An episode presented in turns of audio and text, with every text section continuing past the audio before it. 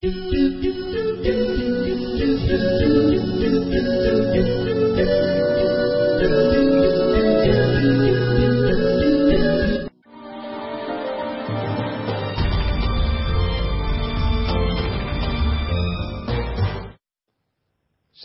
الله شريعة الله للإصلاح عنوان وكل شيء سوى الإسلام خسران. لما تركنا الهدى حلت بنا محن وهاج للظلم والإفساد طوفان. تاريخنا من رسول الله مبدأه وما عداه فلا عز ولا شان. محمد أنقذ الدنيا بدعوته ومن هداه لنا روح وريحان.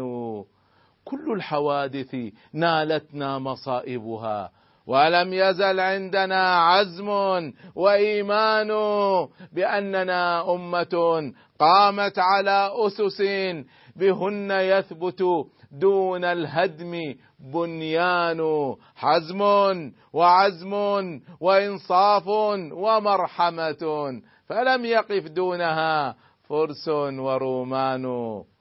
لسنا عبيدا لسنا عبيدا ولا كنا ذوي ضعة وليس يرهبنا قيد وسجان. نبني الحياة نبني الحياة بوحي من عقيدتنا وعندنا للهدى والحق ميزان. قرآننا مشعل قرآننا مشعل يهدي إلى سبل من حاد عن نهجها. لا شك خسران. هو السعادة. هو السعادة فلنأخذ بشرعته وما عداه فتضليل وبهتان. هو السلام. هو السلام الذي تهفو القلوب له. فلم يعد يقتل الإنسان. إنسان هو النشيد هو النشيد الذي ظلت تردده على مسامع هذا الكون أزمان. قد ارتضيناه حكما لا نبدله. ما دام ينبض فينا منه شريان. خلقت طليقا كطيف النسيم وحرا كنور الضحى في سماء. تغرد كالطير أين اندفعت؟ وتشدو بما شاء وحي الإله.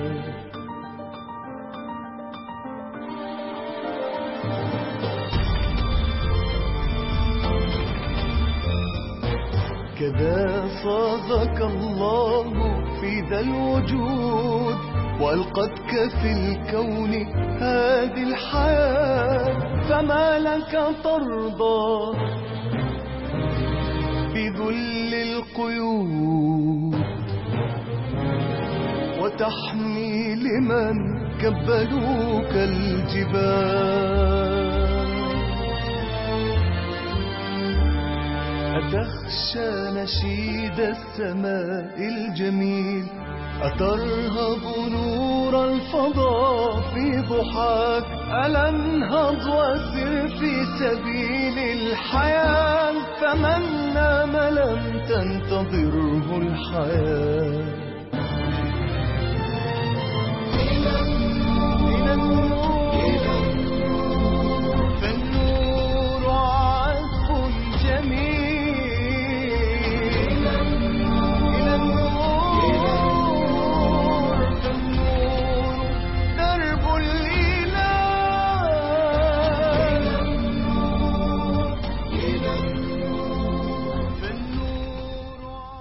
السلام عليكم ورحمة الله وبركاته. أهلا بكم ومرحبا مع علمتني الحياة. وحديثي معكم اليوم عن الفساد. هذه الآفة التي تنخر في العالم اليوم وبالذات في العالم العربي. ما الذي يجري؟ كيف وصلنا إلى هذا المستوى؟ أشكال وألوان من الفساد. انتخابات مزورة طبعا حدث ولا حرج. يحدثني أحد الأخوة اللي كان معي في أمريكا أنه أصلا من بلد عربي بدون تسميات طبعا بدون فضايح. فهو أخذ الجنسية الأمريكية ورجع يزور أهله في ذلك البلد. وإذ في وقت زيارته في انتخابات.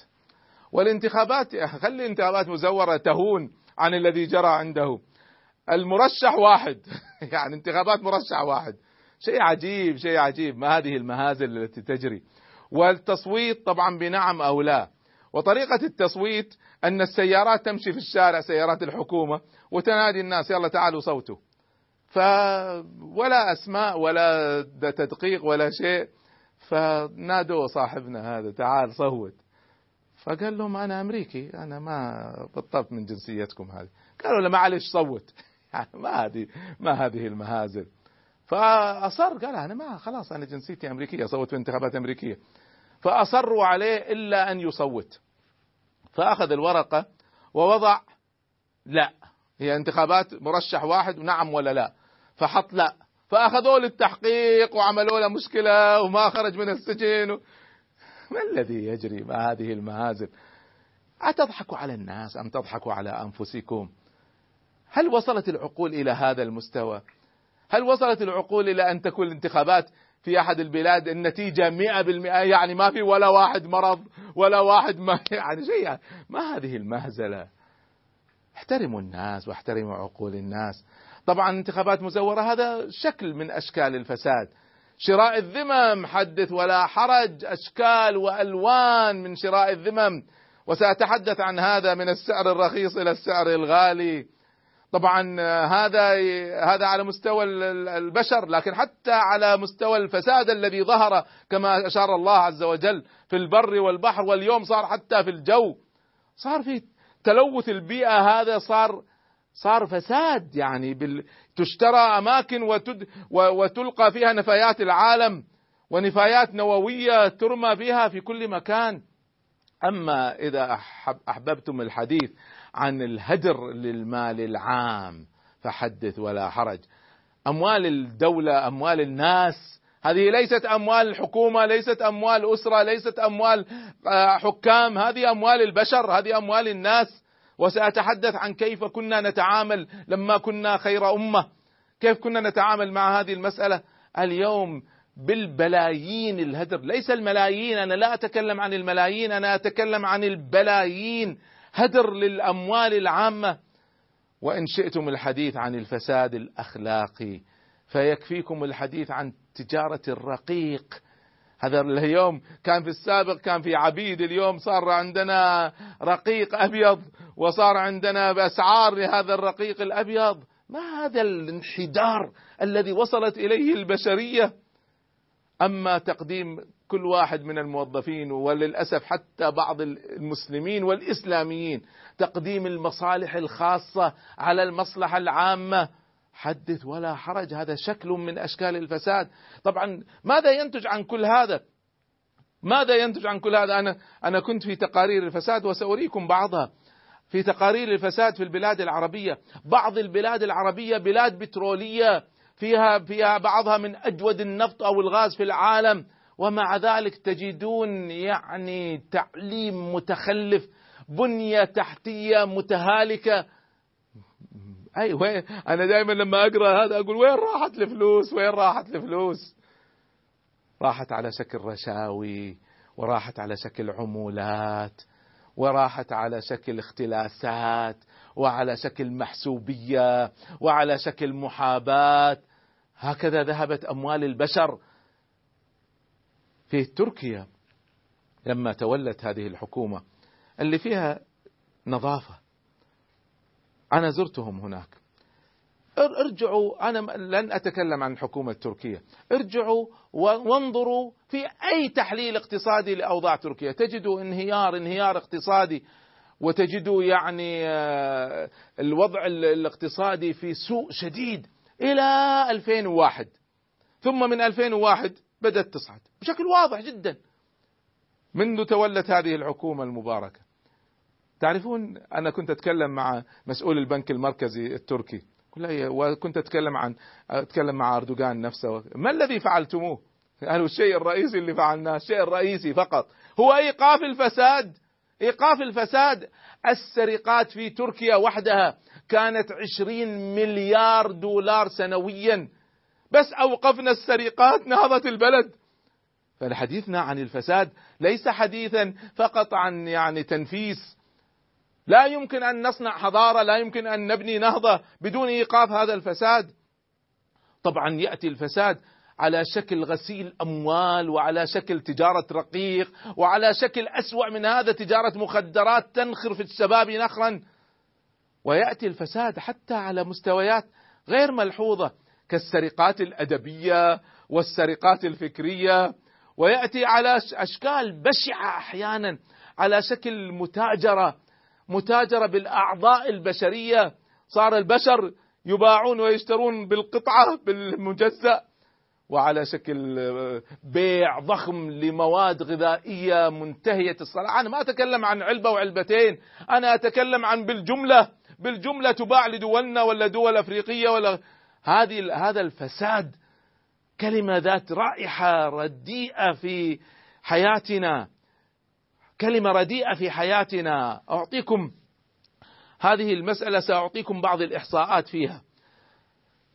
قدرت الأمم المتحدة حجم الأموال العامة، الأموال العامة لما نقول أموال عامة يعني ليست ملك شخص، هذه ملك دولة، ملك البشر. الأمم المتحدة في تقديرها للأموال العامة التي تتعرض للنهب والاختلاس بسبب اسمعوا بسبب فساد الأنظمة السياسية في العالم سنويا ها؟ سنويا بمقدار 1600 مليون دولار. يا 1600 بليون دولار.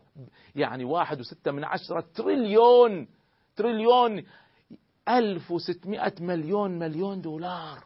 كيف ذهبت هذه الأموال؟ تقدر الأمم المتحدة أن العالم اليوم ينفق على الرشاوي ما بين 20 إلى 40 مليار دولار سنويا سنويا. أما الفساد الأخلاقي هذا الانفجار في الفساد الأخلاقي. تعرفون اليوم في أكثر من 320 قناة فضائية إباحية. أنا ما أتكلم عن القنوات اللي فيها يعني برا فقط فقط للجنس والأعمال الإباحية على الأقمار الأوروبية يملكها رجال أعمال بعضهم عرب باستثمارات تفوق 460 مليون يورو. كسبوا منها كسبوا منها مليار يورو في سبع سنوات. أما في قائمة مؤشرات الفس... مدركات الفساد في في مؤشرات لحجم الفساد في العالم. التقرير صدر في 2009 في 2010 يتكلم عن الأرقام في 2009 هناك في هذا التقرير 180 دولة. لا يوجد ولا دولة عربية أو إسلامية في أول 20 دولة هي الأقل فسادا في العالم. وأنا أحب هنا أن أحيي قطر لأنها أول دولة عربية في الأقل فسادا. في المرتبة 22 على العالم. أما في العشرين الأوائل فما في ولا دولة عربية. أما في في السوء في السوء ففي العشر الدول الأسوأ في العالم كله في كل العالم في السوء بين العشرة الأسوأ في العالم ثمان دول عربية وإسلامية. هذا شيء خطير جدا شيء خطير جدا الذي نتحدث عنه. سأحدثكم في هذه الحلقة عن أرقام وسأحدثكم عن يعني انفعالات وسأحدثكم عن كيف نقضي على هذا الفساد؟ كيف نعالج هذه الظاهرة الخطيرة؟ سنتحدث عن بعض مظاهرها وسنتحدث عن كيف نعالجها. مزيد من الحديث عن معاني الفساد بعد الفاصل إن شاء الله.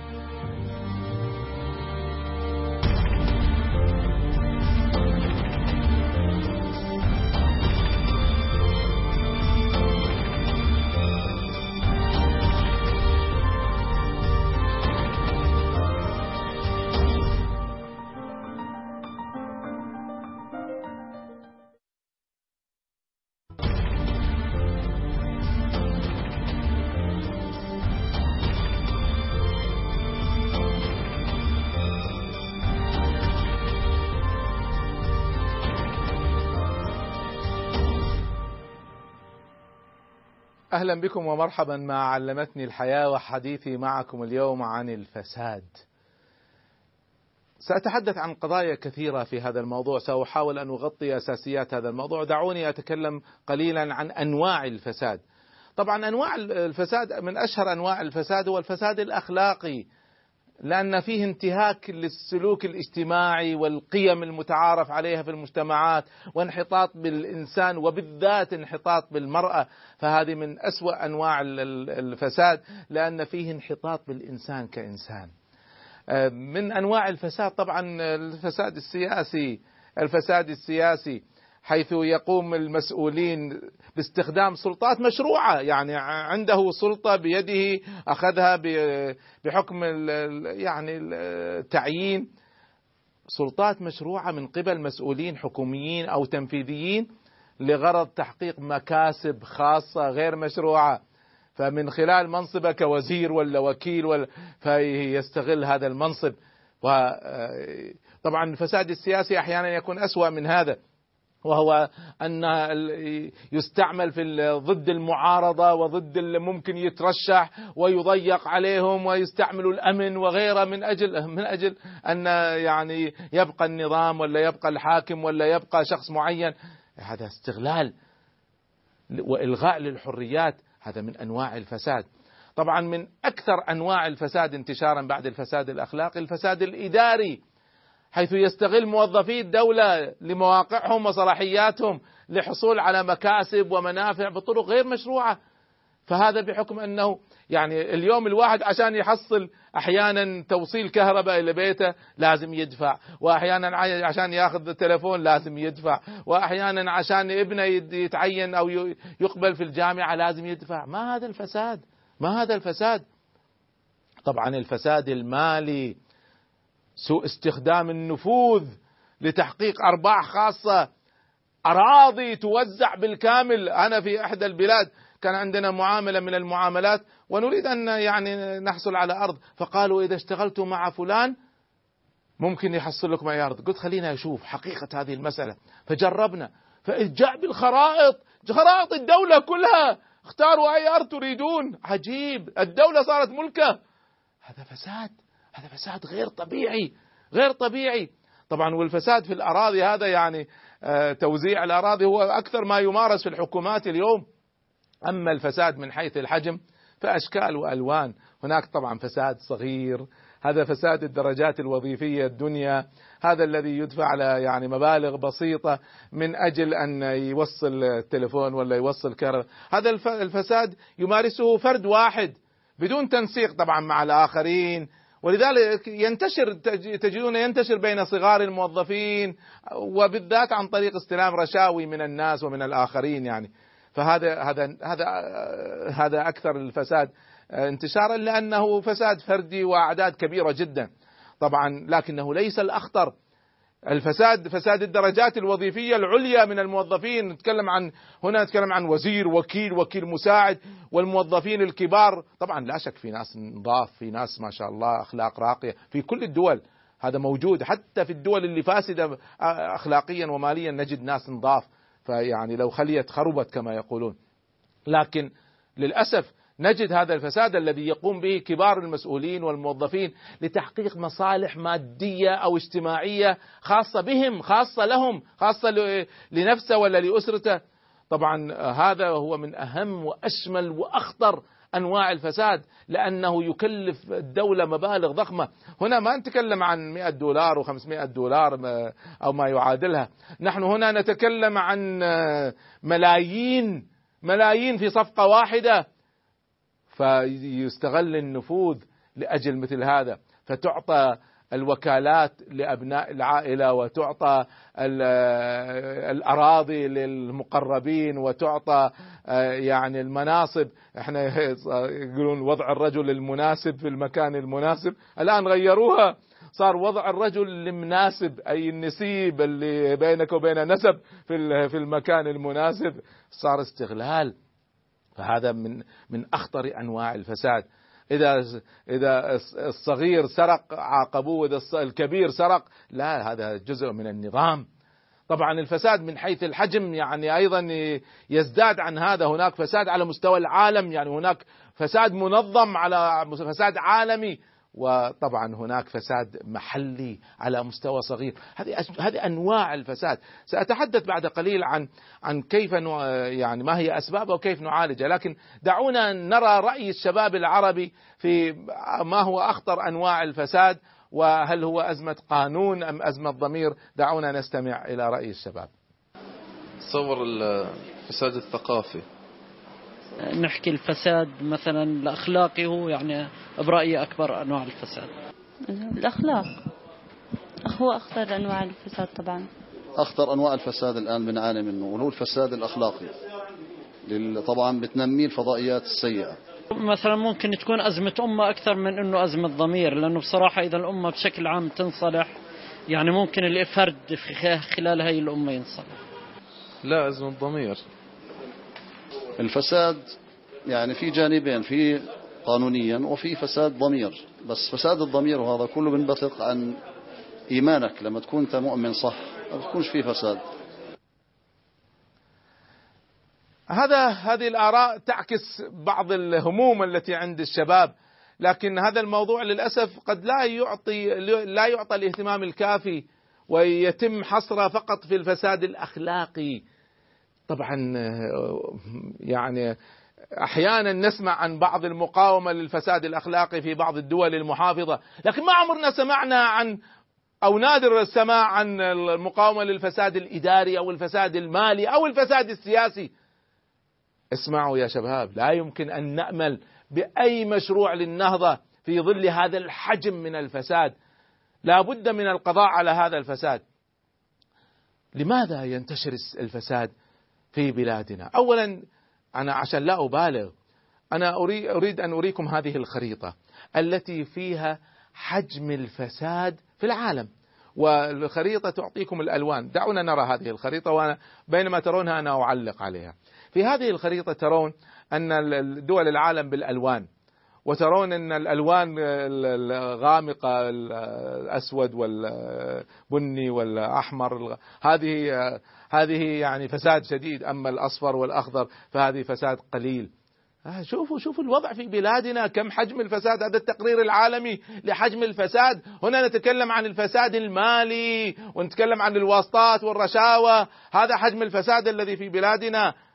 هذه بلاد الإسلام التي تتص... اللي إحنا ندعي أن إحنا أهل القيم وأنهم سبقونا بال سبقونا بالتكنولوجيا وغيرها ونحن سبقناهم بالقيم.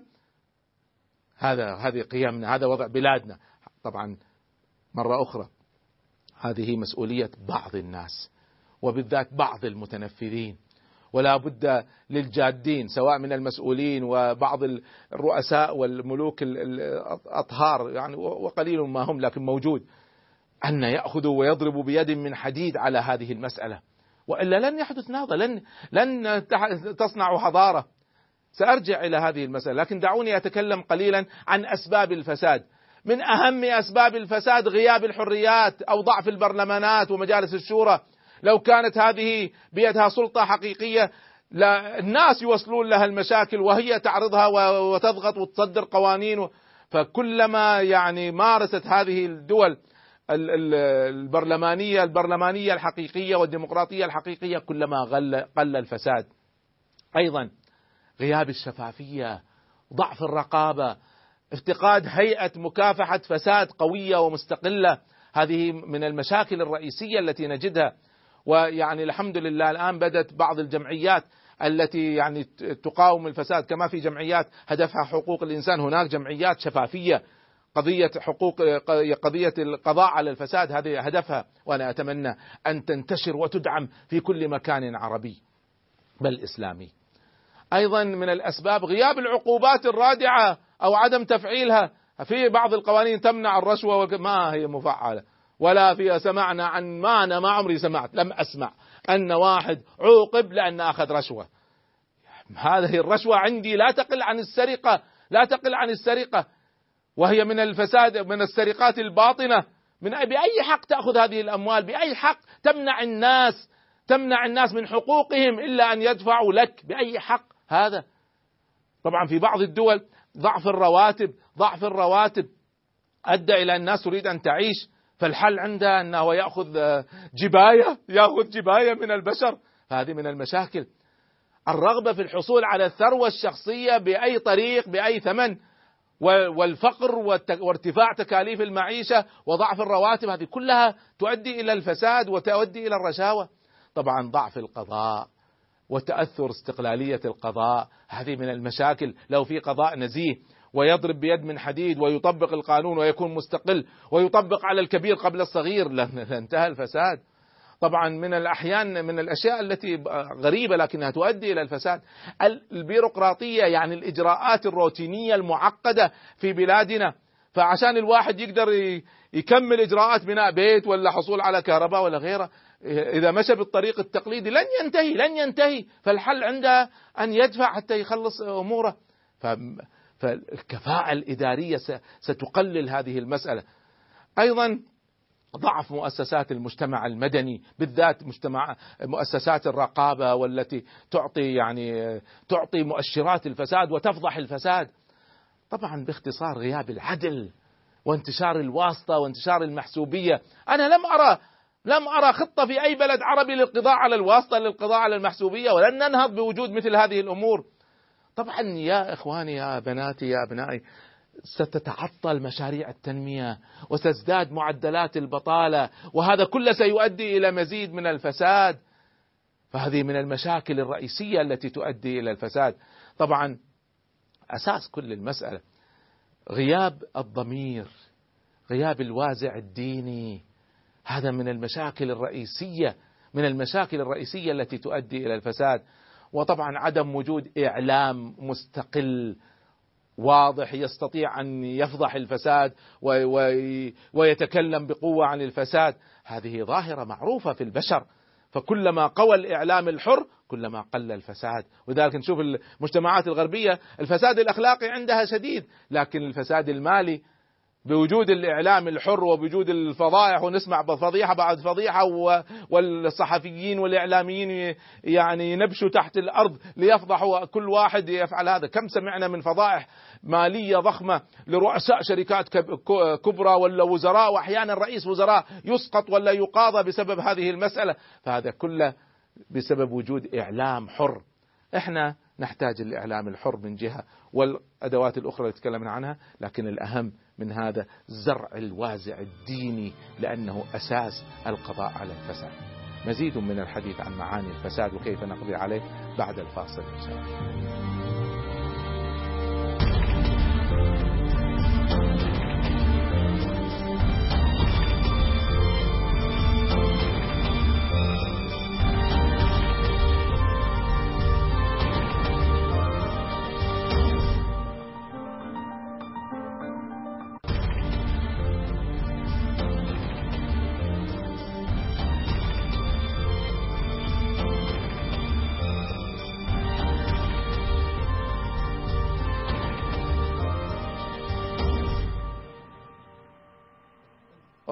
بكم مرة أخرى مع علمتني الحياة وحديثي عن موضوع خطير جدا يعصف بالأمة عصفا ولا بد من أن نقف أمامه وهو موضوع الفساد فساد إداري فساد سياسي فساد مالي فساد أخلاقي فساد انتشر في أرجاء الأمة ونحن ندعي أننا أمة القيم نحن لم نسبق الغرب في قضايا التكنولوجيا ولا قضايا العلم ولا قضايا البحث.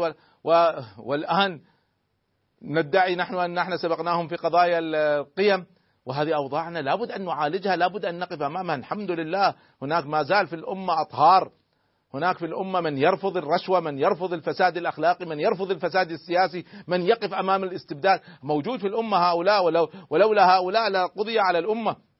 لكن لابد أن ننشر هذه المسألة ولا بد أن أن شوكة الحق تقوى أصحاب الحق يجب أن يرتفع صوتهم. اليوم صوتهم خافض وصوت الفاسدين هو المرتفع يجب أن يرتفع صوتنا جميعا للقضاء على الفساد. طبعا أنا أقول لكم شيء تأملت فوجدت أن الاستبداد السياسي هو الأساس في كل أنواع الفساد.